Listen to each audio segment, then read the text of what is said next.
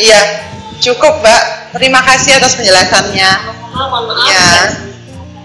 Ya, ini Mbak kartu saya saya mau daftar periksa poli gigi ya Mbak ya. Oke. Ya. Ya, Jadi kalau selesai saya kembalikan saat ya. Oke, tangan Mbak Ari. Dua puluh ribu Mbak Ari lumayan. Heeh.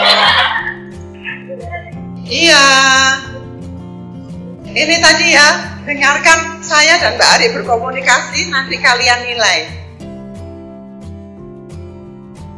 Kita sekarang masuk sudah ya di komunikasi, ilmu berkomunikasi.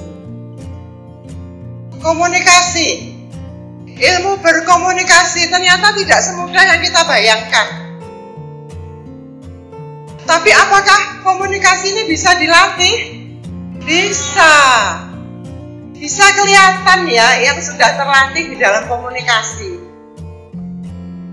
Nanti kalian semua bisa melihat kalau orang yang penuh dengan percaya diri, penuh dengan semangat, selalu di- bisa menyesuaikan diri di mana pun dia berada, itu dia sudah terlatih.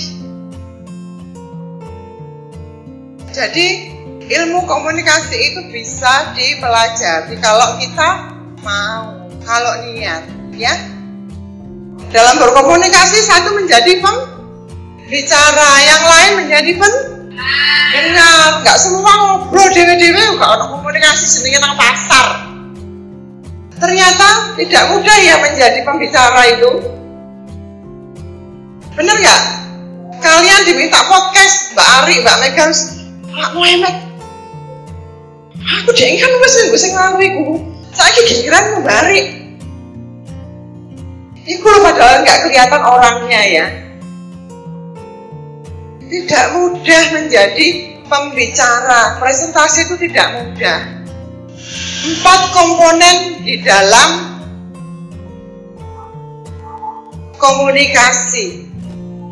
Yang satu, harus ada kata-kata apa sih dikomunikasikan lek gak ono sing diucapkan. Kata-kata ini tapi hanya 10% bobotnya dalam suatu komunikasi. Gak usah ada kata-kata pakai bahasa tubuh pun kita juga bisa. Bobotnya hanya 10% ternyata dari peneliti bernama McCrabian. Dia mengeluarkan itu tahun 1969. Dia meneliti 1000 mahasiswanya dan dia menyimpulkan berkomunikasi itu ada empat komponen. Yang pertama adalah kata-kata tapi hanya berbobot 10%. Yang kedua apa? Suara. Suara ya. Jadi suara ini di sini yang diatur apanya? Volumenya. Kalau ada pasien di luar, kita kalau guyon itu suaranya pelan-pelan. Pak Rere ngamuk-ngamuk. Alon-alon, lek ngobrol, lek guyon itu alon-alon. Kecilkan volumenya. Ya. Oke, volume suara dua. Apalagi suara intonasinya, penekanan yang perlu ditekan. Sahabat Elisa, hari ini kita akan berbicara tentang sekarang yang lagi mewabah di Indonesia yaitu adalah Corona. Ada tekanan, jadi orang itu nggak bosen. Saudara-saudara, hari ini kita akan bicara tentang Corona ya. Enak nih. Enak yang pertama. Yang kedua itu ngantuk sampean. Jeda. Jeda spacing. Ngomong ojo koyo sepur yo. Ah, Assalamualaikum warahmatullahi wabarakatuh. Nama saya Eli. Saya berasal dari Banjarmasin Manggarai. Saya adalah tanggal 3 Agustus 1969. Di sana saya hanya lahir, tapi saya dibesarkan di Surabaya. Setelah itu saya masuk kuliah juga di Surabaya. Saya bekerja di Timur Timur. ngomong apa sampean ya nggak? Tadi mbak Ari kayak gitu nggak? Menjelaskan saya. Mbak aku bingung mencerna mbak. Mbak kalau wong tua itu lho mbak jedanya diatur. Jeda. Jeda ini tergantung apa? Dengan siapa kita bicara? Karo wong sepuh mbak. Beda karo sing nom nom hai guys hari ini kita ngobrol yuk tentang corona. Sudah tahu semua kan tentang corona? Beda dengan orang tua mbak. Orang tua lebih pelan pelan mbak. Tell me lemot.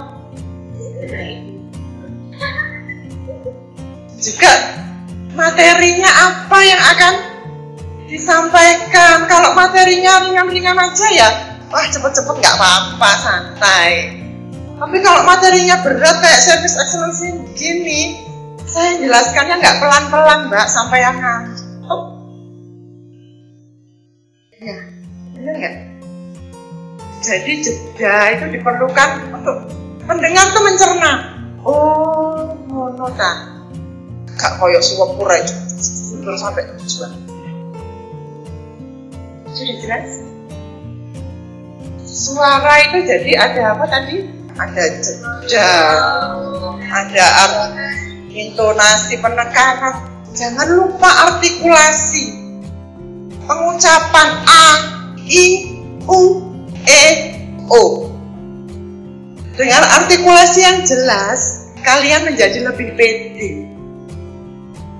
Nanti kalian bisa melihat contoh-contoh role play yang kemarin dan bisa menilai video satu ini kekurangannya di mana video dua ini kekurangannya di mana? Apa yang perlu diperbaiki? Ya dengan jeda gini mau orang lain berpikir oh tapi ojo suwe-suwe. Dipikir harus mari. Oleh pasiennya. Ya. Jadi jeda jangan lama-lama.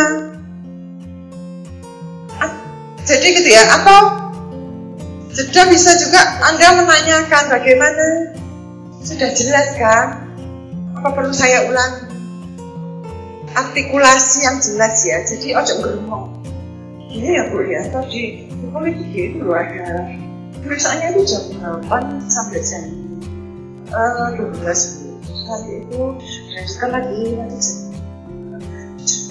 12 sampai artikulasinya tidak jelas. Beda. Bu jam buka poli gigi itu jam 8 bu mulainya. Dokternya datang tapi ibu silahkan daftar mulai jam 7 pagi. Beda nggak? Saya mau gremeng pasienmu. Nggak ngerti. Opo sih? Kok jelas no itu saya ya toko mana jam rolas. Kemarin kan sudah saya jelaskan bu orang kerumui mau jelaskan ibu kamu ini artikulasi. Ada jeda ada artikulasi.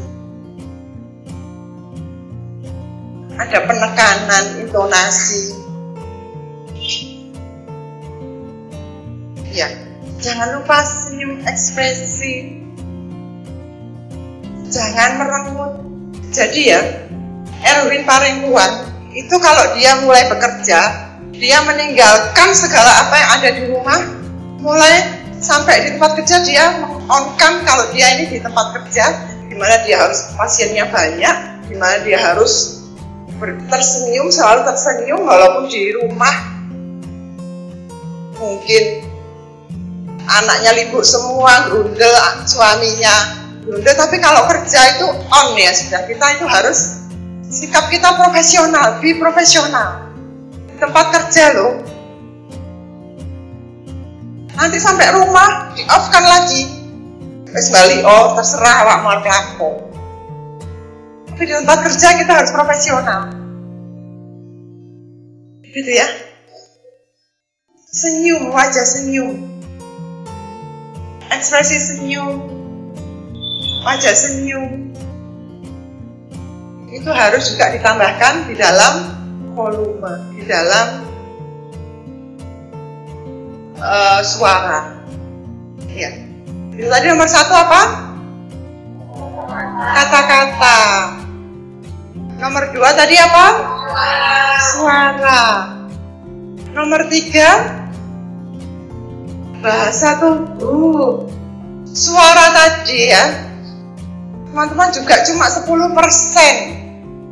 Uh, suara ini 20 persen. Suara yang tadi untuk bisa berkomunikasi bobotnya 20 persen. Tapi bahasa tubuh dan visual ini 70%. Jadi ada para ahli yang membedakan tiga saja. Kata, suara, dan bahasa tubuh. Bahasa tubuhnya di sini 70%, tapi ada yang membedakan lagi dari bahasa tubuh itu dari 70% ini 60 persennya bahasa tubuh, 10 persennya dari penampilannya, ekspresinya.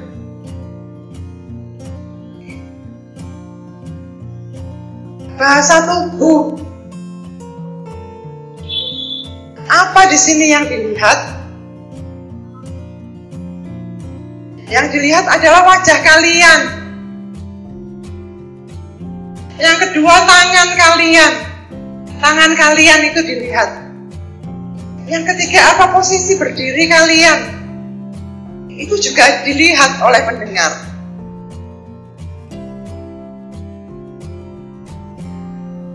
Wajah kalian itu yang dilihat apa? Kontak mata. Jangan kita berbicara tapi ke mana-mana ya. Mbak Vindi, aku minta tolong ya ini anu. Tapi lihat matanya. Kalau lihat, kalau misalnya nggak enak sungkan ada segitiga ya. Bisa lihat hidung atau kening.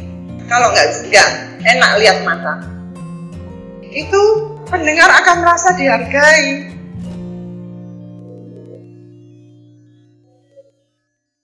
Lihat mata yang kalian cumai. Saya minta tolong dong. Saya ambilkan. Saya menghargai Mbak Ari, tapi saya Mbak Ari, saya minta tolong dong ini. Enak mana? Kan enak. Saya lebih menghargai kalau saya melihat matanya Mbak Ari. Terus jangan sampai kalian waktu wawancara tes di mana pun garuk-garuk hidung itu teori orang menggaruk hidung mesti gatel lek wawancara ojo sampai ngene. Ojo sampai ngene. Masih pilek wahanan dhisik ae.